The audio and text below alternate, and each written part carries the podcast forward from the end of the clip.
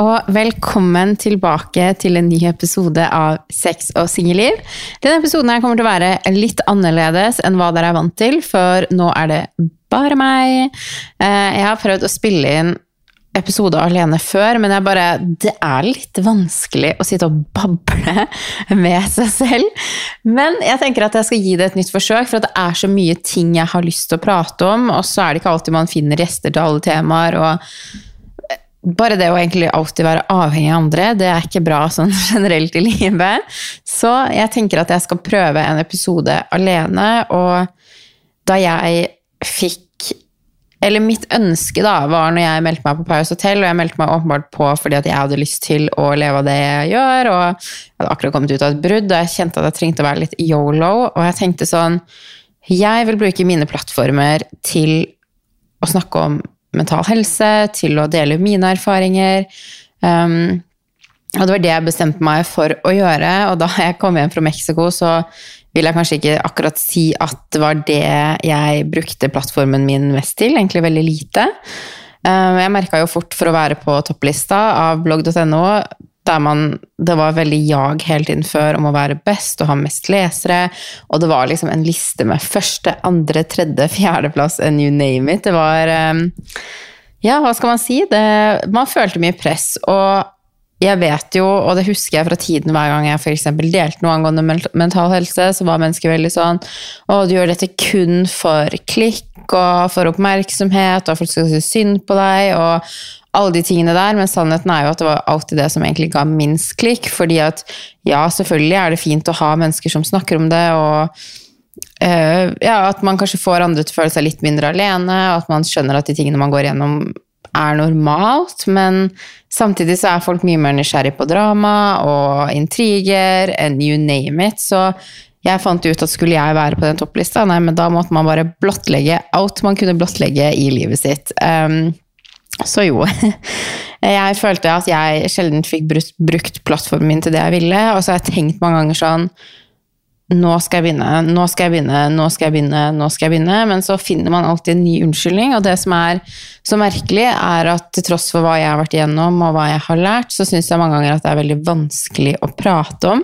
Og kanskje også spesielt fordi det er så mange som skal komme med pekefinger hele tiden og være sånn 'Å, du kan ikke si det', og 'Nei, du kan ikke mene det', og 'Nei, det er feil', og 'Du har ikke hatt det ille, jeg hadde mye verre enn deg'. Og det er veldig mye sånn dømmende kommentarer ofte, og at man sammenligner seg selv veldig kanskje med andre. og man kan på en måte jeg, Min historie er ikke lik din, og mine erfaringer er ikke lik dine erfaringer, og hvordan jeg har håndtert ting, er nødvendigvis ikke likt hvordan du har håndtert ting, men jeg føler ikke det er noe rett og galt. Og tidligere så var jeg veldig redd for å tråkke feil på det temaet her, rett og slett fordi at jeg tenkte at ja, hva om jeg sårer noen, eller hva om folk misforstår det jeg sier, eller ja nå har jeg bare blitt sånn, Så lenge jeg vet at det kommer fra et godt sted, og at jeg gjør det her for å kanskje hjelpe én eller to eller tre eller ti, eller hvor mange som må finne dette til hjelp, så er det det som betyr noe, og at man må slutte å henge seg så ekstremt mye opp i de som bare vil være negative uansett.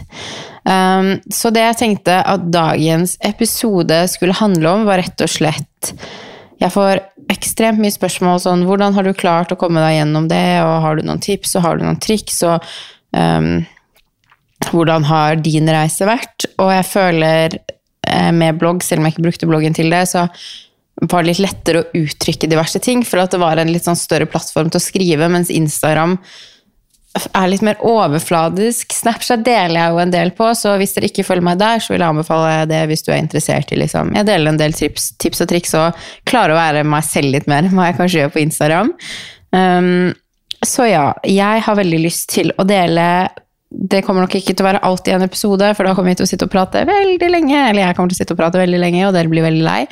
Uh, men uh, jeg tenkte jeg skulle dele noen av mine triks og tips til hvordan jeg har fått det bedre. Og for dere som ikke vet min historie, så mista jeg pappaen min da jeg var 14 år, i 2009. Og to år senere så befant jeg meg på Utøya under terrorangrepet i 2011. Um, så juli Pappa døde 3. juli 2009, og så var jo det 22. juli 2011, så sommeren har alltid egentlig vært ganske vanskelig for meg siden da, og eh, jeg fikk oppleve ganske to store ting på en gang. Um, livet mitt ble snudd opp ned, og jeg visste ikke lenger, helt ærlig, om jeg noen gang kom til å klare å få det bra igjen. Og det har òg vært tider der jeg virkelig, virkelig følte for å gi opp. Jeg kjente at jeg klarte ikke mer. Jeg, jeg har, jeg har grått til mamma flere ganger og sagt at jeg, jeg klarer ikke mer. Livet er ikke verdt å leve. Det kommer aldri til å bli bra igjen. Jeg vet ikke hvordan jeg skal ta tak i dette. Det er så mye. Um, og jeg vil si at helt siden, altså helt fra 2009, da jeg mista pappa, til 2020, som da er elleve år, nå måtte jeg faktisk telle her, eller tenke, som er da elleve år, så gikk jeg rundt og hadde det egentlig mer dårlig enn hva jeg hadde det bra. og jeg fikk på en måte ikke prosessert én ting før en ny ting skjedde, og jeg mista jo en venn av meg på Utøya, og det var egentlig veldig mye sorg og traumer og angst og depresjoner, og i tillegg så var jeg veldig ung, jeg var jo som sagt bare 14 da pappa døde, så var jeg 16 år da jeg var på Utøya, og jeg føler liksom allerede Kanskje jeg har noen ungdommer som lytter på podkasten, og jeg vet hvor sinnssykt tøft det er å være ungdom. Man har man ønsker så å passe inn, man vil ikke skille seg ut, man prøver å gjøre alt for å bli akseptert. Det er mye press rundt hvordan man skal se ut, hvordan man skal være, hvordan karakterer man har. At man skal få til ting out, at man stresser veldig med ting. Ehm, så ungdomstiden er tøff. Og oppå alt det her så fikk jeg òg i tillegg de to tingene som var ganske stor og brutal. Um, og jeg følte helt, helt ærlig at livet mitt aldri kom til å bli bra igjen. Jeg tenkte at jeg har gjort et eller annet jævlig mitt forrige liv som har gjort at jeg bare får masse dritt nå. Jeg har så dårlig karma. Um, jeg skjønte, skjønte, ikke hva jeg hadde gjort for å fortjene alle disse tingene, og hvorfor det var så sinnssykt vanskelig å bare være meg, eh, og at hvorfor jeg skulle få det her, og var det sånn livet skulle være, liksom? Altså, kom jeg hit for å bare ha det dritt? Um, og det tok meg, som sagt, ganske mange år før jeg begynte å få det bra igjen. Og det kommer til å høres rart ut for noen, men korona, altså covid, covid var en blessing for meg. Fordi for første gang i mitt liv har jeg faktisk måttet ta tak i det som var vanskelig. Fordi jeg er veldig en sånn person som sliter ekstremt mye med å prate om følelser. Um, jeg kan gjerne, liksom, sånn som jeg sitter nå, sitter jeg og prater med dere, og for meg er dette nesten naturlig. Uh, jeg er veldig god på å prate om sånne her ting, og ja, hvis noen spør sånn, ja, har du en bra dag i dag, eller en dårlig dag, så kan jeg si sånn, ja, den er litt dårlig, men ja. Men hvis noen hadde spurt meg hvorfor har du en dårlig dag i dag, hva er det som plager deg, så har jeg veldig problemer med å uttrykke det, fordi uh, det er sikkert mange kan kjenne seg igjen i, at man og det vil ikke si at jeg mener at det er det, men mange ser på det som en svakhet å gråte, og jeg blir så ekstremt flau når jeg gråter. Uh, og det er egentlig så teit, fordi det ligger så sykt mye styrke i å vise følelser og dele følelsene sine. Og jeg prøver hver dag å jobbe med akkurat dette, for at jeg har ikke lyst til å være den innelukka kalde i hermegåstegn person som alltid bare Alt er bra. Um, jeg smiler alltid. Gråte gjør man ikke foran andre. Alle de tingene der. Har vært ekstremt dårlig på følelsene mine, og det tror jeg vennene mine kan eh, skrive under på. Familien min òg. Før så ble jeg liksom klein hvis noen ga meg en klem. Eh, jeg er veldig lite sånn kjærlig av meg.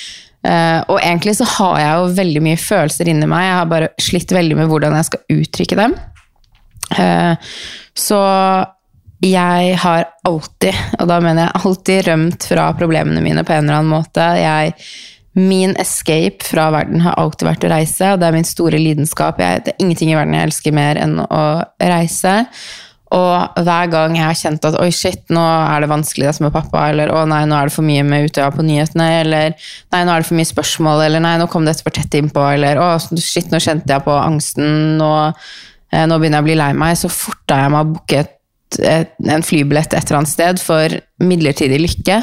Fordi at når jeg reiste bort, så klarte jeg liksom å legge bort mye av hverdagen hjemme. Eh, Så jeg reiste alltid Sekundet jeg følte på noe Jeg var så redd for å føle på en vanskelig følelse at sekundet jeg kjente på denne følelsen, så måtte jeg stikke av. Jeg måtte bort. Det, det, det kunne ikke skje at jeg skulle kjenne på det som var vanskelig. Eh, og det da, som skjedde under korona, var at vi kunne ikke reise mer. Eh, det var umulig. Selvfølgelig, altså De tre første månedene så er jeg ganske sikker på at det var ganske umulig å komme seg ut av landet og inn til andre steder. Men det var vanskelig å reise under korona. Og for første gang i mitt liv så ble jeg tvunget til å måtte ta tak i det som var vanskelig. Og jeg vet ikke om dere husker det, dere som har fulgt meg en stund. Jeg ble jo singel i april 2020. Og vi solgte da leiligheten i mai eller juni, jeg klarer ikke helt å huske når. Og jeg flytta til Oslo og leide en leilighet i noen måneder, fordi planen min og det som grunnen til at jeg er i Tromsø, er jo for at jeg har lyst til å reise og nyte livet, og det er litt vanskelig med hundepasset til Celine, så jeg fant ut at vet du hva, jeg flytter hjem, har, noe, har et sted å ha Celine hele tiden, har mye mer frihet til å reise enn da jeg f.eks. bor i Oslo. Men ettersom det var korona, og jeg tenkte sånn ja ja, det er nok over om et halvt år, jeg kan være i Oslo noen måneder, og så begynner jeg å reise. Um, da jeg innså etter, den, altså etter de månedene i Oslo, var jo at det kom ikke til å åpne seg opp for å reise med det første, og jeg fikk helt panikk av å tenke på at skal du bo i Tromsø, hva hva skal du gjøre der? Eh, Det er mørkt og trist. Hverdagen, hverdagen var min største frykt før. Jeg hata hverdagen. Eh, Hva skal du gjøre der nede? Du kommer til å kjede deg i hjel. Det kommer til å være det verste som har skjedd deg. Eh, Og jeg sendte altså, melding til huseieren jeg leide av, og trygla han om jeg kunne være så snill å få leie leiligheten noen måneder til, for jeg hadde så panikk for å flytte til Tromsø. Jeg tenkte nei, nei, dette klarer jeg ikke. Og han sa nei, fordi at de skulle flytte inn der selv. Og da var jeg sånn jeg har jo mange år vært sånn at jeg tenker at ting skjer for en grunn. Um, så da var jeg sånn, ok, da er det ikke meningen at jeg skal være i Oslo. Jeg får pakke sakene mine og bare prøve. Og i verste fall så drar jeg tilbake. Så jeg pakka sakene mine og dro til Tromsø. Og altså, slutten av 2020 og halve 2021 er det beste året jeg har hatt i mitt liv. Når jeg trakk meg bort fra alt av distraksjoner altså, I Oslo skjer det ting hele tiden. Da var det jo korona, så det var jo åpenbart mye mer kjedelig i Oslo enn her, for her var ikke ting like mye stengt som det var der. Men jeg har alltid følt at Oslo-livet på en måte, det skjer ting hele tiden, så det er vanskelig å liksom trekke seg bort og si nei, jeg vil ikke være med, for man får FOMO, i hvert fall jeg. Um, så da jeg flytta til Tromsø, så hadde jeg plutselig tiden til å fokusere på meg selv. Eh, og vi mennesker er altfor dårlige til å ta den tiden. Vi tenker sånn nei, vi har ikke tid. Vi har ikke tid hver dag til å lese en bok, eller vi har ikke tid hver dag til å gå en tur, eller vi har ikke tid hver dag til å gjøre noe som gjør, altså er bra for deg, for man tenker at man ikke har tid til det. Vi er altfor dårlige til å sette av tid til bare oss selv, og for å få at vi selv skal ha det bedre. Og jeg føler at da jeg flytta til Tromsø, er første gangen jeg faktisk hadde tid til å gjøre meg selv bra. Um, og jeg begynte å ta tak i ting. Jeg var sånn, ok, jeg kan ikke stikke av lenger, nå må jeg bare finne ut hva er det som plager meg. Um, og nå er det da to år senere, og jeg jobber enda med det. det. Det å få det bra, det å jobbe seg ut fra angst, depresjon, traume, altså vanskelige ting som har skjedd, hva enn det måtte være du sliter med nå, så tar det tid. Og det kan ta år, det kan ta én måned, det kan ta tre måneder, det kan ta tre år. Men så lenge du gjør jobben, og gjør litt hver dag, så vil det lønne seg uansett hvor lang tid det tar. Du vil aldri angre på at du har investert i at du selv skal få det bedre. Og jeg begynte, Det første jeg gjorde, og jeg vet ikke hvorfor jeg gjorde det her engang, jeg kan ikke huske hvordan jeg bestilte meg den boken, men jeg bestilte meg en bok som heter Hemmeligheten på norsk. The Secret er kanskje et mer kjent navn. Um, og det var da jeg ble introdusert for manifesting eh, sånn på ordentlig. Jeg har alltid tenkt liksom sånn Mye av de tingene før jeg var ordentlig inne i det her, har jeg jo allerede snakka om, og så har ting skjedd. Så jeg har jo tenkt at det er noe mellom himmel og jord som på en måte Ja. Jeg har tenkt at det er et eller annet der, men hva har jeg på en måte ikke hatt noe svar på eller tenkt noe særlig mer om? Jeg bare tenkt at ja, selvfølgelig er det noe mer enn hva vi vet. Jorda er liksom ikke den eneste planeten. Jeg, har, jeg er veldig spirituell og åndelig av meg, så jeg har alltid tenkt at det er noe. Um, og det var The Secret som um, altså jeg ble introdusert enda mer for manifesting uh, når jeg leste boken The Secret. Og om du er åpen for manifesting eller ikke, eller tror på universet, eller for traction, alle de tingene der jeg vil fortsatt anbefale å lese mye av de bøkene her, fordi det handler liksom ikke om å, å sette deg ned og tenke at du skal bli rik, så blir du rik. Det er ikke det de tingene handler om. Det handler veldig om tankegangen vår. Um, og jeg føler at veldig mange forbinder manifesting med penger, og at ja, du kan ikke bare tenke deg rik og alle de der negative tankene rundt det, men det er så mye mer. Og det handler om tankene våre og hvordan vi ser på ting. Og da jeg begynte å lese The Secret og ble introdusert for en helt ny måte å tenke på, så ble jeg bare Det var da alt starta for meg, oppriktig, en bok. Og jeg har prøvd fem forskjellige psykologer, og jeg har aldri klart det. Og det her er ikke meg snakke ned om psykologer, for jeg vet at psykologer gjør en helt fantastisk jobb, og de har vært til hjelp for så mange, men ikke for meg. Og det handler ikke om dem, det handler om meg. Det handler om hvordan jeg er som person. Innholdsvis var jeg fortalt i stad at jeg er veldig lukka, sliter med å åpne meg, uh, sliter med å ta imot ting. Um, så psykolog funka ikke for meg, um, men det å lese en bok gjorde det. Så The Secret var starten på mitt nye liv, vil jeg påstå å si. Og så var jeg ute med Sofie Elise her i Tromsø uh, rett etter jeg hadde lest den boken, og jeg sa til henne jeg bare, å, den boken er så bra, og har du lest den? Og hun har jo lest alle bøker i hele verden, så selvfølgelig hadde hun lest den. og jeg føler Det er sånn, det er en bok, jeg var nok veldig mange år senere ved den boken, for jeg føler veldig mange har lest den. Men da sa hun sånn, ok, hvis du syns den var bra, så må du lese Munken som selv solgte Ferrarien sin. Og den kommer i bokklubben eh, neste, nei, denne måneden her. Jeg sender den til deg. Uh, og jeg tenker bare sånn Jeg tror ikke på tilfeldigheter i det hele tatt. Jeg tenker sånn, Det var oppriktig meningen at alt dette skulle skje. Og Munken som solgte Ferrarien sin, den boken er det beste tipset jeg noensinne har fått. Den boken jeg tror egentlig jeg aldri har takka Sofie for å ha gitt meg det tipset, for, men den boken var life-changing. Uh, The Secret var starten, og Munken som solgte Ferrarien sin, var bare helt sånn Den var så bra, og jeg har nå lest den en gang til, og igjen så hadde jeg liksom Jeg har vært i en litt vanskelig periode den måneden her, um, på grunn av at juli er en tung måned. Og jeg sa til jentene i Marbella når vi var der nå, at jeg bare Denne måneden kommer jeg til å ta det veldig rolig. Jeg kjenner at jeg klarer ikke å drikke. Jeg drakk veldig lite da jeg var der nå, og dro mange ganger edru fordi at alkoholen trigga ekstremt angsten i meg. Jeg sendte mamma melding sånn tre på natta etter jeg ha vært ute og drukket, for jeg hadde så hjertebank eh, at jeg trodde at jeg ikke skulle Jeg trodde oppriktig at jeg skulle dø. Um, så jeg sendte henne melding og bare sånn Jeg har så hjertebank, og jeg har så angst. og jeg merka at hver gang jeg drakk over et visst nivå, så kom hjertebanken som trigga angsten, som ødela hele dagen min etterpå. Så jeg holdt oppriktig en tale for jentene i Marbella og sa vet dere hva, jeg har det ikke så veldig greit nå. Jeg kommer ikke til å drikke så mye på den turen her, jeg må bare lytte til kroppen min. Um, og jeg og Elise er på stranda noen dager etter det her, og hun da tar opp boken 'Munken som solgte Ferrarien' sin, og sier bare sånn takk for at du anbefalte meg boken her, for jeg har den med meg overalt. Den har hjulpet meg så ekstremt mye. Uh, og så hadde jeg nesten glemt den boken litt, selv om jeg nevner den hele tiden. Så hadde jeg egentlig glemt at det er et hjelpemiddel man ikke bare burde ta i bruk én gang, men flere ganger. Så jeg var sånn Å, kan ikke jeg få lese den boken der? Og bare det at hun introduserte den boken til meg igjen på stranda, har gjort at jeg nå er på et mye bedre sted enn hva jeg var da jeg tok imot den boken fra henne. Den er så fin på så mange måter, og jeg bare Det var akkurat det jeg trengte der og da. Jeg begynte å føle at jeg begynte å gå nedover igjen, og at ting begynte å være vanskelig. og det har vært egentlig ganske hardt en hard start på dette året, og som jeg har sagt til dere før, at eh, jeg kommer kanskje til å dele det hvis jeg føler meg komfortabel med det en eller annen gang i fremtiden, men for nå holder jeg for meg selv. Men det har vært veldig mye vanskeligheter, det har vært store endringer. Det har vært mye som har skjedd i livet mitt på privaten og jobb, som jeg på en måte ikke har ville delt utad. Og i tillegg så kom den måneden her, og den boka der var redningen for meg. Så er det ett tips Seriøst, er du på telefonen din når du hører på podkasten her nå, google 'Munken som solgte Ferrarien sin'. Bestill den boken nå.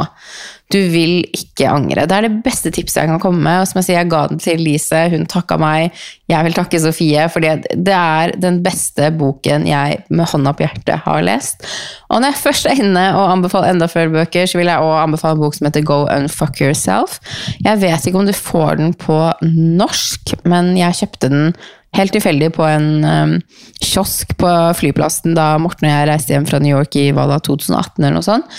Uh, og den var òg helt utrolig bra. Den handler om det å endre tankegangen sin, tankesettet, hvordan man ser på ting, hvordan man bryr seg om hva andre tenker om deg.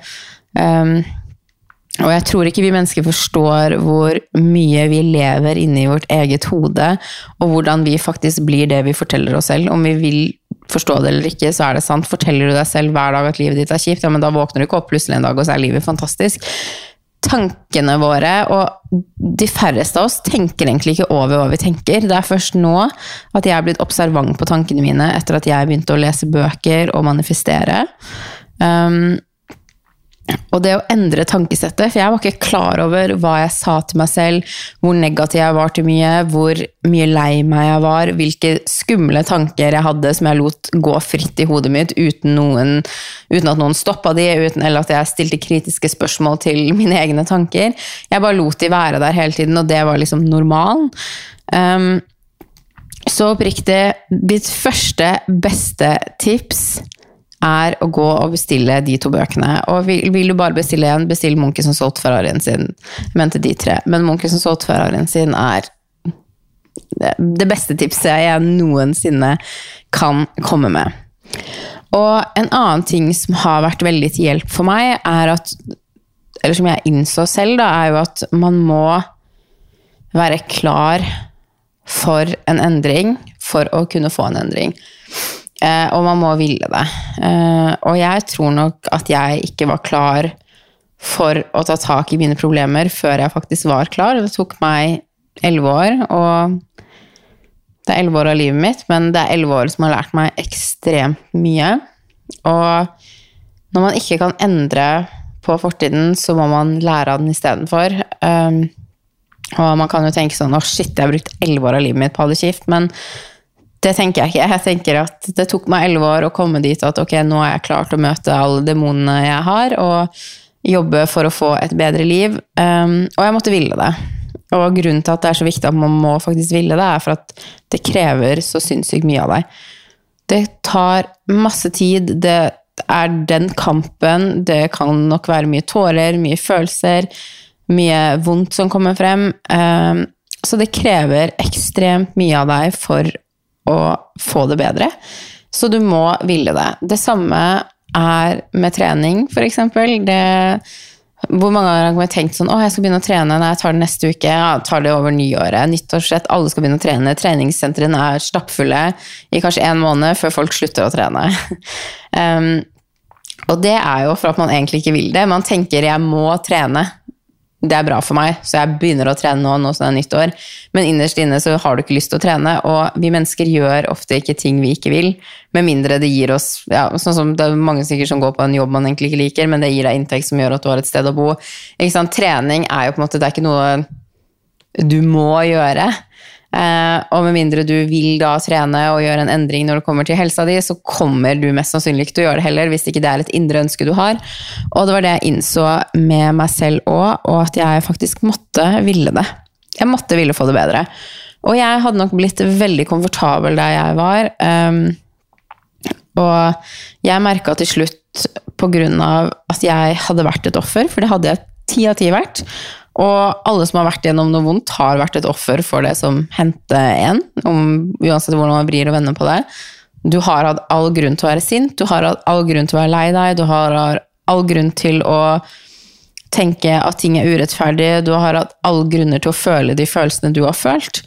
Eh, og jeg hadde òg alle grunner til å tenke og føle det som jeg følte det. Uh, og jeg var et offer. Uh, men det som ble mitt problem til slutt, var at det å være et offer ble til slutt hele identiteten min. Jeg visste ikke hva jeg lenger var uten hun som hadde vært på uta, eller hun som hadde mista pappaen sin. Jeg visste ikke lenger hvem jeg var hvis ikke jeg hadde angst. Jeg visste ikke lenger hvem jeg var hvis ikke jeg hadde det kjipt fem av syv, syv dager i uka. Jeg visste ikke lenger hvem jeg var hvis jeg ikke syntes livet var sykt urettferdig. Jeg visste rett og slett ikke hvem jeg var uten alle disse tingene, fordi de hadde vært med meg i elleve år. Um, og jeg hadde blitt unnskyldt for mye i livet på grunn av at jeg hadde det sånn som jeg hadde det. Jeg husker jo f.eks. etter Utøya så var det ingen som turte å liksom si ifra til meg eller uh, bli sure på meg eller være direkte mot meg, for de var redd for hvordan jeg kom til å takle det. Og jeg husker da at når folk først begynte å si ifra til meg, etter at det hadde gått en stund, selvfølgelig, så tok jeg det veldig tungt. Uh, fordi at jeg lenge hadde bare gått og aldri egentlig hatt noen det hadde aldri vært noen konsekvenser på ting på veldig lenge, og jeg hadde aldri hatt noe ansvar, hvis det gir mening. Så hvis jeg såra andre, f.eks., så var jeg veldig sånn Å, du Ja, unnskyld for at jeg sa det jeg sa, jeg har bare en dårlig dag pga. at jeg tenkte på Utøya, eller å, unnskyld for at jeg oppførte meg sånn, jeg er bare lei meg pga. pappa. At det til slutt, det å være et offer, ble hele meg hele tiden. Så jeg tok aldri noe ansvar for ting. Jeg eh, ja, jeg tok rett og slett aldri noe ansvar for ting, og hver gang et ansvar ble pusha opp meg, så pusha jeg tilbake. Fordi at jeg hadde tross alt vært på Utøya og mista pappaen min, så ikke kom her med ansvar til meg. Um, og det å vokse ut fra den personen var kjempeskummelt, fordi selv om jeg hata å ikke ha det bra, så var det likevel en trygghet for meg, fordi det hadde vært livet mitt nå i elleve år. Jeg visste ikke lenger et liv utenom alle de tingene her, og jeg visste ikke lenger et liv uten å kunne si at du, sorry, jeg behandla dårlig, jeg har vært på Utøya.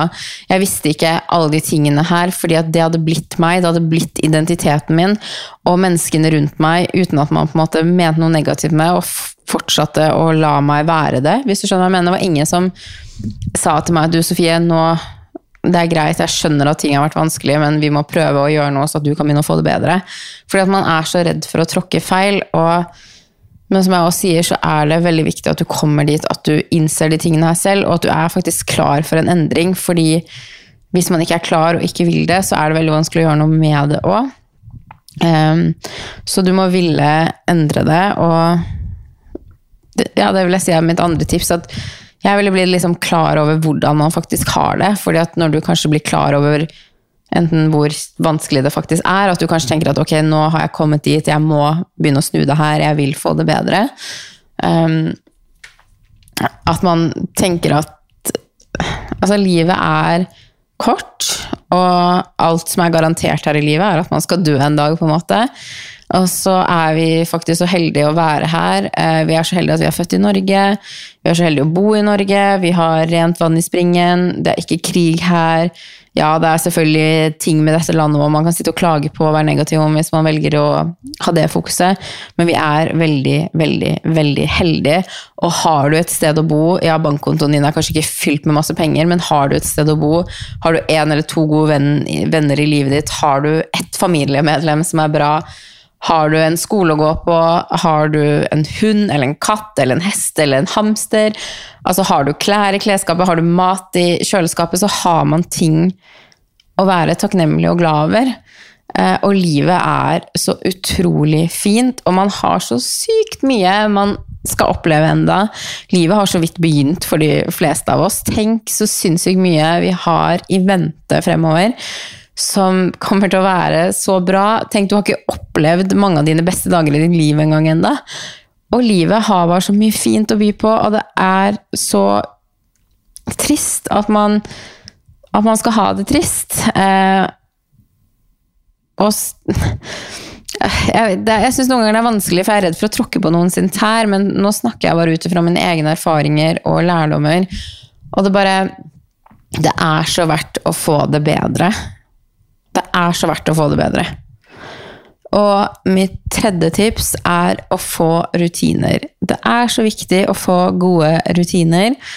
Eh, og spesielt jeg vet at mange Jeg har snakka med vennene mine òg, for nå er jo jeg sånn og pirker på vennene mine. For at jeg har lært så mye, og jeg vil bare at andre òg skal få det bedre. Så jeg er sånn ja, men gjør det her, gjør ditt og gjør datt. Og jeg hører ofte sånn jo, jo, men jeg kommer til å få rutiner når jeg får en 100% jobb, eller ja, men jeg er student, og det er vanskelig å ha rutiner når den ene dagen begynner jeg sånn, og den andre dagen begynner jeg sånn, og så jobber jeg helgene. At man, man finner alltid unnskyldninger på ting man egentlig ikke har lyst til å endre, og det som var at da jeg fikk den jobben her i 2017, så hadde jeg ingen grunn til å ha rutiner. Fordi eh, jeg kan svare på mail klokken åtte på morgenen, eller jeg kan svare på mail klokken seks på ettermiddagen. Jeg kan eh, lage en annonse på en mandag, og jeg kan lage en annonse på en fredag. Jeg kan sitte på natta og gjøre ting. Eh, jeg kan legge, poste en story på Instagram når jeg vil. Jeg, nå sitter jeg på fredag klokken skal vi se hva klokka er nå, da, når jeg spiller den podkasten. Ja, klokka er fem på en fredag. Sitter jeg nå og spiller inn denne podkasten. Jeg har det veldig fritt i jobben min. Og når man har så mye frihet som det jeg har, så er det òg noen ganger vanskelig å lage seg rutiner. Så jeg mista alle rutinene mine sekundet jeg fikk den jobben her. Og jeg merka at det å ikke ha rutiner gjorde meg ingenting godt. Jeg kunne sitte våken til langt på natt, sove til sånn tolv, ett, to. Um, jeg sov noen ganger til klokken fire. Altså, jeg hadde ingen rutiner i livet mitt på noe som helst. Jeg tok alt som det kom. Og jeg tenkte at ah, dette er det som gjør meg lykkelig. Yolo, free spirit, do whatever you want. Livet er kort. Alle de tingene der. Og jeg bare tenker at ja, jeg er fortsatt spontan. Jeg elsker å kaste meg på et fly, eller bare finne ut klokken ni på en kveld at oi, du shit, nå er vennene mine ute, det har jeg lyst til å gjøre òg. Eller jeg er veldig spontan med meg, og du kan være spontan og ha rutiner. Og jeg mener ikke at man skal bli oppslukt i rutinene sine heller, men det å ha en eller annen form for noe som kan være litt hverdag, er veldig viktig. Og når jeg fikk rutiner, så ble livet mitt mye bedre òg. Eh, og det her er nesten like viktig som boken jeg anbefalte det å ha gode rutiner, det å lage seg en grunn til å stå opp om morgenen, det som gjør at du, når du legger deg på puta på, natten, nei, på kvelden, at du føler deg bra, du føler du har vært produktiv, du føler at du har gjort noe bra for deg selv og kanskje for noen andre, det er så viktig. Eh, og jeg har ikke rutiner gjennom hele dagen. Mine viktigste rutiner er morgenrutinene mine. Eh, og grunnen til at jeg har morgenrutiner, er rett og slett for at jeg har funnet ut at hvordan jeg starter dagen, har alt å si for hvordan resten av dagen min blir. Eh, så si hvis man begynner på jobb klokken åtte og man åh, men jeg vil sove, du, alarmen ringer klokken seks. og Du er bare sånn åh, slumrer, slumrer, slumrer. Og til slutt så har du sovet så lenge på egentlig med dårlig søvn, for du bare ligger og slumrer og slumrer. Eh, så har du dritdårlig tid til å komme deg på jobb, så du får stressende morgen, du spiser en dårlig frokost, du får ikke ordna deg sånn som du vil, du må kaste deg i bilen eller løpe til bussen, eh, det er kanskje mye trafikk, du blir forsinka til jobb eller skole, og deretter går jo bare dagen nedover. Jeg føler Når du har en dårlig start på dagen, så føler jeg det å følge deg resten av dagen, fordi at det gjør noe med humøret ditt og hvordan du ser på ting, så er de tingene du fortsetter å liksom tiltrekke deg i løpet av dagen. Da virker det sånn Si hvis du har dårlig tid, da. hvis du noen gang har rusha til noe, hvor, hvor mange ganger har du ikke tenkt at 'å, faen, det skjedde med trafikken nå', nå ble det plutselig så sykt mange biler'. Og hvorfor går han fotgjengeren der sykt sakte over veien? Selvfølgelig ble det rødt lys nå når jeg kom. Altså alle de tingene der, og jeg føler det bare fortsetter med deg utover hele dagen. Så det er så viktig å ha gode rutiner, og morgenrutiner er alfa og omega for meg. Så det jeg gjør, er at jeg bestemmer meg at ok, jeg står opp mellom syv og ni. Eh, hvis jeg sover dårlig, så sover jeg til halv ti noen ganger. Eh, noen få ganger. Jeg har gjort denne uka her, for at jeg har, ja, jeg har slitt litt med søvn. Um, men jeg står opp mellom syv og ni uansett. Um, og når jeg står opp, så går jeg på badet. Jeg har en musikk uh, Jeg har flere musikklister på Spotify der jeg setter på gladmusikk. Eh, og jeg renser huden, tar på sminke hvis jeg skal noe. Altså gjør Ja, steller meg på badet og, hører på musikk som gjør meg glad. Og deretter går jeg ut i stua, setter meg ned, og jeg manifesterer, som jeg har sagt. Da har jeg en bok. Jeg kjøper bare på ark eller Nordli eller hvor enn du vil kjøpe notatbok. Så skriver jeg ned um, Først var jeg takknemlig over for i dag, og jeg har gjort denne øvelsen med så mange, og det som er morsomt at jeg ser, er at veldig mange sliter med å finne ting man er takknemlig for, for man ofte tenker at man må ha mer. Man, er, man glemmer alle de tingene man har nå. Eh, så man er sånn, ja, men jeg er jo ikke takknemlig for at jeg har lyst på den jobben der, men jeg har bare den jobben her. Eller å, ja, men jeg hadde lyst på den bilen der, men jeg har den bilen her. Eller ja, jeg tjener ikke den lønna jeg hadde sett meg. Ikke sant? Man, man glemmer noen ganger å se hvor man er, og jeg tror at hvis man hadde gått fem år tilbake, så hadde den fem år gamle deg, altså den versjonen du var for personen du var for fem år siden, altså gjort alt for å være der du er i nå. Um, kanskje, kanskje ikke, men anyways, man glemmer alle de tingene man har å være takknemlig for. Så jeg um, skriver en liste, og før var jeg jo veldig sånn at jeg tenkte mye ville ha mer. Og jeg merka at uansett hvilket mål jeg fikk til som jeg hadde satt meg, så ble jeg ikke lykkelig. For at jeg var bare sånn, ok, men hva er neste? Ja, ja, nå har jeg gjort dette, nå må jeg finne meg noe nytt, liksom. Jeg er ikke, jeg er ikke lykkelig før jeg har fått til, eh, vært gjennom hele verden, virka nesten sånn. Um, så du må få Du må finne takknemlighet i ikke bare de små, nei, store tingene. Selvfølgelig skal man elske når du når et mål og alle de tingene der, men takknemlighet kommer fra det man òg har nå. Hvis du alltid jakter på noe nytt, så vil du aldri bli lykkelig. Så tingene jeg for skriver at jeg er takknemlig over Jeg har et sted å bo. Supertakknemlig.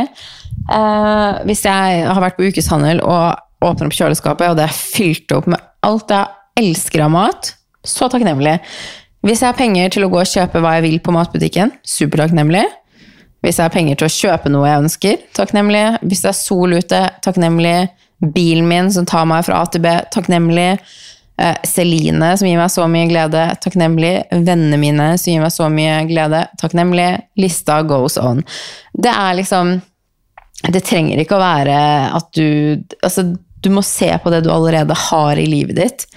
Det at du kan chille en søndagskveld i den gode senga di og se på favorittserien din på Netflix eller hvor enn du ser på serier, takknemlig. Ikke sant? Det må ikke alltid være de store tingene som vi craver hele tiden. Man må finne takknemlighet i de små òg. Og etter at jeg begynte å se alle de fine tingene jeg har i livet Jeg så på et kurs i går som jeg lagt ut på Instagram. Han heter Jim Fortin. Fortin Søk han opp på Instagram. Hør på podkasten hans. anbefaler jeg. Han er sånn manifesting-guru. Jeg fant han gjennom noen andre manifesting-folk jeg følger. Og jeg kjøpte et kurs av han. Um, og han sa noe veldig fint uh, på det kurset jeg var på, at han er takknemlig hver gang han drikker vann. Og så tenkte jeg sånn, når du drikker vann? Og så var han sånn, ja, når jeg drikker vann, fordi det fins et eller annet sted i verden der mennesker må gå fem timer for å få vann og her har jeg det i springen min. Og så ble jeg sånn Shit! Altså, vi har så mye luksus i hverdagen vår som vi ikke tenker over. Og det er jo ikke det at du aldri skal kunne være lei deg eller ha det kjipt fordi at noen et eller annet annet sted må gå fem timer for vannet sitt mens du har i springen. Det er ikke det det handler om. Men det handler om at man må se de fine tingene man har i livet som vi bare tar for helt for gitt. Og det samme var da jeg var i Marbella nå. Um, og jeg var jo veldig syk, som dere vet, og jeg mista smak- og luktesansen min i én time, og det var en sånn panikk som kom over meg. Og jeg ringte mamma og bare sånn jeg har mista smak og luktesans. Tenk om jeg aldri får den tilbake igjen. For jeg har jo hørt flere historier eh, fra folk som hadde korona, at eh, de har ikke fått smak- og luktesansen sin tilbake. Og sekundet jeg mista den, og merka hvor mye, mye mindre verdt i hermegåstegn jeg følte livet mitt var, når jeg plutselig ikke kunne lukte noe. Maten jeg spiste, smakte ingen verdens ting. Jeg bestilte meg nachos, taco, jeg hadde Pepsi Max. Jeg smakte ingen verdens ting. Jeg kunne ikke lukte parfymen min. Jeg fikk helt panikk for at jeg aldri skulle få lukte og smake sånn min tilbake. Heldigvis kom den jo etter én time. Um, men uh, det òg vi har så mye ting. Det at du kan smake og lukte, det er en blessing. Altså sånn, prøv å miste smak- og luktesansen din i tre måneder og se hvordan du har det. på en måte. Eh, og igjen, det handler ikke om at man skal tenke sånn ja, ja, men bla, bla, bla, og andre har det ikke. og Det handler ikke om de tingene, men det handler bare om å se hva du har, og være takknemlig over. Og at man må lete etter ting man har her og nå. Og det er fortsatt viktig å sette seg mål og se fremover og ønske andre ting. Men man må være takknemlig for det man har her og nå. Takknemlighet er alfa omega. Eh, så ja, jeg skriver det i morgenrutinene mine. Hva er jeg takknemlig over? Nå ble det en lang tale om takknemlighet her, men jeg brenner veldig for det. Eh, og så skriver jeg ned mål for selvutvikling. Eh, det gjorde jeg ikke før, for før var jeg bare sånn Å, jeg skal tjene så og så mye penger, jeg skal ha den jobben, jeg skal ha den samarbeidspartneren, jeg skal starte det, jeg skal ha den bilen, jeg skal ha det huset. Jeg hadde kun sånn fokus. Eh, og jeg har egentlig hatt det seriøst helt frem til jeg leste Munken solgt Ferrarien på nytt nå. Så ble jeg sånn Ok, jeg må faktisk enda mer jeg må gjøre enda mer jobb med meg selv. Um, så nå har jeg liksom mål for selvutvikling, og der skriver jeg f.eks. at jeg er lykkelig, og jeg skriver alltid 'jeg er' eller 'jeg har'. For hvis man skriver sånn 'jeg vil ha' eller 'jeg skal ha', så er det Du minner deg selv, tror jeg, da, konstant på at det er noe du ikke har eller noe du ikke er. Så jeg fake it till you make it. Jeg skriver 'jeg er lykkelig'. Um, jeg skriver 'jeg klarer å kontrollere tankene mine', 'jeg tenker ikke negative tanker', 'jeg baksnakker ikke andre'.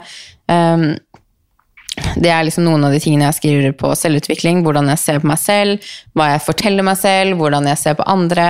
Og alle de tingene der, der jeg vil endre og bli et bedre menneske, rett og slett. De målene setter jeg på selvutvikling. Så har jeg òg en liste for jobb, der jeg skriver liksom jeg tjener så og så mye hver måned. Eh, dette, jeg deler dette og dette på mine sosiale plattformer. En av punktene mine var at jeg skulle begynne å snakke mer om innholdsvis det jeg sa i starten òg, fordi at det her er faktisk noe jeg virkelig brenner for, men jeg har ikke visst helt hvordan jeg skal gjøre det. Så nå kaster jeg meg bare ut i det og prøver det, og det var et av målene jeg hadde. Um, og så har jeg mål for mitt nye firma som kommer snart, som jeg gleder meg så til å dele med dere. Uh, jeg skriver liksom hvor jeg vil være i jobb. Um, og så har jeg en liste for økonomiske mål. Altså hva vil jeg kjøpe og investere i i løpet av livet. Uh, et av de er at jeg skal ha en villa i Hollywood Hills. Uh, jeg har lyst til å ha en leilighet i New York med utsikt over Central Park. Altså, oh my god, se for deg det. Jeg blir lykkelig bare av å tenke på det. Så jeg har sånne mål som jeg skriver meg ned. Og så har jeg òg mål for kjærligheten, der jeg på en måte skriver hvordan jeg ønsker at mitt neste forhold skal være. Eh, blant annet at hvordan jeg ser for meg at min neste kjæreste skal være. Verdier jeg vil ha i en fremtidig partner, skriver jeg ned der. Uh, og det er blant annet at liksom, forholdet vårt skal være problemfritt, um, han skal være romantisk. Jeg har aldri opplevd å vært i et ordentlig romantisk forhold, så det er noe jeg kjenner det skal jeg ha neste gang.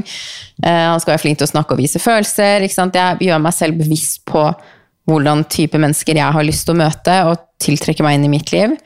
Og så øh, Jeg som er glad i å reise, skriver meg òg liksom hvor jeg ønsker å reise. Hvilke steder er det jeg har lyst til å dra til i år? Og det her gjør jeg hver dag. Eh, noen kan gjøre det bare ved å liksom skrive én gang, og så leser du gjennom hver morgen, men jeg liker å skrive ned det på nytt og på nytt og på nytt, for da får jeg det inn i hjernen min, hvis det gir mening. Nå, altså Med en gang jeg starter med det her, med nye ting, så må jeg alltid gå tilbake til siden jeg skrev dagen før, for å huske liksom, ok, hva var det jeg egentlig ville her. Men jo flere ganger jeg skriver det, jo mindre Altså, jeg husker mer. Uh, så det blir jo på en måte Jeg får det inn, hvis det gir mening. Um, og det er ikke nødvendig å ha det så detaljert som jeg har det, men jeg liker liksom Før så skrev jeg én liste med alt.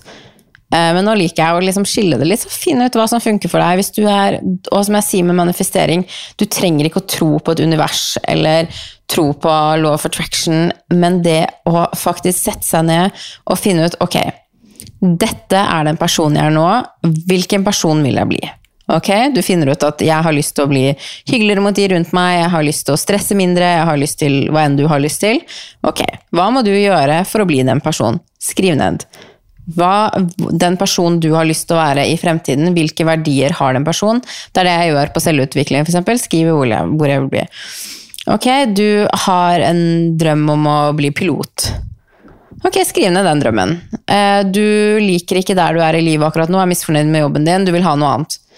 Eh, men du vet ikke hva du vil ha. Og det er det jeg mener. Jeg føler ofte at man er sånn 'Å, jeg er så misfornøyd med livet mitt', men så vet du liksom ikke hva du vil ha, hva du skal gjøre eller hva du skal gjøre. og det er sånn Så lenge du ikke vet selv hva du vil ha, hvordan skal du kunne få det?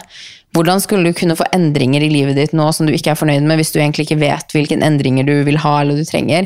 Og derfor sier jeg at Du trenger ikke å tro på manifestering eller law of attraction eller universet eller hva enn. Du trenger ikke å være spirituell eller åndelig i det hele tatt, men det å faktisk ha en bok, skrive ned hva du er takknemlig over, skrive ned mål og drømmer du har, det har i hvert fall vært alfa og omega for meg. Det har gjort livet mitt enklere.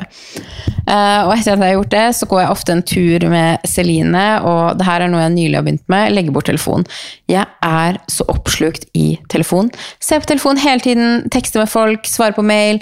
For aldri, jeg føler aldri at jeg blir ferdig med å være på telefon, for det er alltid noe nytt jeg kan finne, det er alltid noe nytt innhold jeg kan se etter, det er alltid en mail jeg kan svare på, det er alltid noe jobb jeg kan gjøre, uh, det er en podkast jeg kan lytte på. Jeg er aldri bare alene med meg selv fordi enten står TV på bakgrunn, eller musikk, eller whatsoever. Så det å være alene med seg selv, gå en tur Du trenger ikke gå en lang tur engang. Altså, ta deg ti minutter, gå rundt blokka, gå i en park, sett deg på en benk, gjør et eller annet. Det trenger ikke å ta tre timer av dagen din. Jeg går ca. 30 minutter med Celine, tar ikke med telefon, starter dagen min, og jeg går i skogen og bare går rundt. Går rundt der det er litt stille, og bare er med meg selv, er til stede.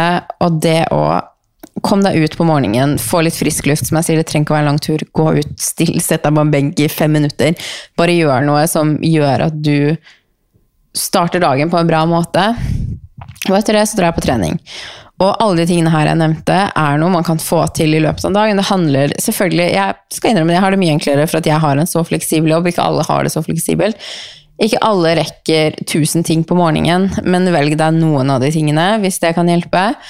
Og som jeg sier, stå opp litt tidligere òg, det kan òg hjelpe. Legg deg tidligere. Få gode rutiner på søvnen din, fordi man går ikke glipp av noe med å sitte våken lenger på natta. Og det her kommer fra tidenes B-menneske. Jeg er så B-menneske, egentlig. Og jeg elsker å sitte våken på natta og bare ligge i senga og se på serie. Men jeg elsker mye mer å få gjort mye mer dagen etterpå, og da må jeg legge meg tidligere. Eh, nå ser jeg at jeg faktisk har babla en god stund her, så jeg skal dele det her opp i to podcaster. Og så, hvis dere ønsker mer av det her, spytt ut. Jeg vil veldig gjerne dele, jeg vil snakke mer om det. Hvis dere syns denne episoden er til hjelp, hvis dere ikke syns det er bare, irriterende Sofie som skal belære, bla, bla, bla, eh, så snakker jeg veldig med, mye veldig gjerne mer om det her. Om det er noen gjester dere vil jeg skal ha, om dere liker at jeg er alene i podkasten, skal jeg gjøre det mer? Altså, let me know. Send meg Instagram-DM, dere er alltid anonyme. Gjerne kom med tilbakemeldinger. Eh, men det siste tipset jeg vil komme med i dag, er å lage gode musikklister. Jeg nevnte det i stad at jeg, når jeg står opp om morgenen, så hører jeg på gladmusikk. Da jeg hadde det mye kjipt, så hadde jeg seriøst bare deppemusikk på telefonen min. Eh, heartbroken list, broken, eh, sad songs Altså, det gikk igjen og igjen og igjen og igjen. og igjen. Jeg hørte bare på depressive sanger, som alltid traff på mine depressive følelser. Um, så jeg var sånn Musikk er terapi, og musikk kan gjøre så mye bra. Har du ikke noen gang, det er samme som når du er på fest. Ute på byen, favorittsangen din kommer på. Hva skjer med deg? Du danser, du blir så glad. Uh, og det samme, musikken har det kan gi oss så mye glede. Så derfor har jeg liksom bytta ut mye. Jeg hører fortsatt på depressive sanger og chillesanger, men det er ikke hele tiden. Og det er i hvert fall ikke når jeg er lei meg, og det er ikke på morgenen heller. Eh, selvfølgelig hvis du blir glad og du kjenner en harmoni av å høre på chill-musikk, så do that. Men jeg har laga eh, mange lister for forskjellige ting. Jeg har liksom en self-confidence boost-liste. Eh, for ofte så må jeg minne meg selv på hvor bra jeg er. og jeg har, kan ha masse negative tanker om eget utseende og kropp og jobb. og jeg er bare menneske, jeg òg, så jeg kan være ganske stygg mot meg selv noen ganger. Så når jeg er sånne perioder, så kjører jeg self-confidence-lista mi på full guffe når jeg kjører til trening. Eh, på badet når jeg står opp om morgenen. Jeg har en liste for happy, jeg har en liste for chill. Da jeg liksom er sånn, Hvis jeg går en kveldstur på kvelden og har lyst til å høre på chill-musikk, eller Ja, det er blir tørr i munnen. Eller hvis jeg går en eller, ja, eller hvis jeg kjører et sted og bare er sånn ok, nå vil jeg slappe av, og så hører jeg på den type musikken. Jeg har uh, lagra masse sånn manifesting. Jeg har ikke laga disse, disse, selv, men hvis du googler på Spotify manifesting playlist, så vil du få opp masse. Jeg følger lister som heter Big Dick Energy, Girl Power. Altså, jeg hører veldig mye på sånn musikk, for jeg tror jo at det har eller jeg vet at det har ekstremt mye å si. Jeg vet at det har mye å si for meg når jeg står opp om morgenen og hører på sanger som gjør meg glad. Så gjør det meg automatisk i et annet et bedre humør òg, for jeg er ikke alltid sånn uh, ny dag når jeg våkner. Langt derifra. Når jeg står opp tidlig og bare har lyst til å sove mer, så er jeg bare sånn åh, Hater meg selv noen ganger for at jeg presser meg opp av den sengen. Så det hjelper så sykt å stå på badet, kjøre, føre på full guffe på liksom sanger som gjør meg godt humør. Eh, så jeg anbefaler lag liste med sanger du vet får deg godt humør. Hvis ikke kan du også søke meg opp på Spotify, Sofie Karoline Nilsen. Der har jeg, Dere vil finne alle disse listene her jeg prater om. Dere kan abonnere på de hvis dere ønsker. Um, lag din egen. Søk liksom, alle, folk før deg og har lagd disse listene. Så hvis dere søker på happy songs, eller som jeg sier, manifesting songs, eller party songs, eller running songs, eller Big Dick Energy Songs, hva enn det måtte være. Du finner en spilleliste for alt hvis du ikke ønsker å lage din egen. Jeg har lagd mange, og musikk har vært så ekstremt mye til hjelp for meg. Um, så det er de tipsene jeg vil komme med nå. Jeg har mange flere. Uh, og jeg skal selvfølgelig dele mer, men jeg ser nå har jeg prata alene i 50 minutter. Jeg trodde aldri jeg skulle klare det. Jeg var sånn, Skal jeg virkelig gidde å prøve? Skal jeg gidde å snakke til meg selv så her lenge, jeg kommer ikke til å klare det. Og så begynte jeg, og så tenkte jeg det her er faktisk veldig Jeg kjenner at jeg liker veldig godt å gjøre det her. Så jeg håper at dere likte det, dere òg. Som sagt, kom med tilbakemeldinger til meg på Instagram. Jeg setter så pris på det. På det. Jeg heter Sofie Nilsen der.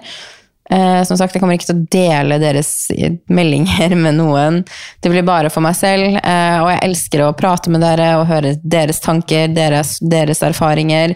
Um, så gjerne kontakt meg hvis du føler for det, og kom med tilbakemelding hvis du vil dele noe. Gjør det. Eh, så håper jeg alle får en super uke, og så snakkes vi på nytt igjen neste tirsdag. Goodbye!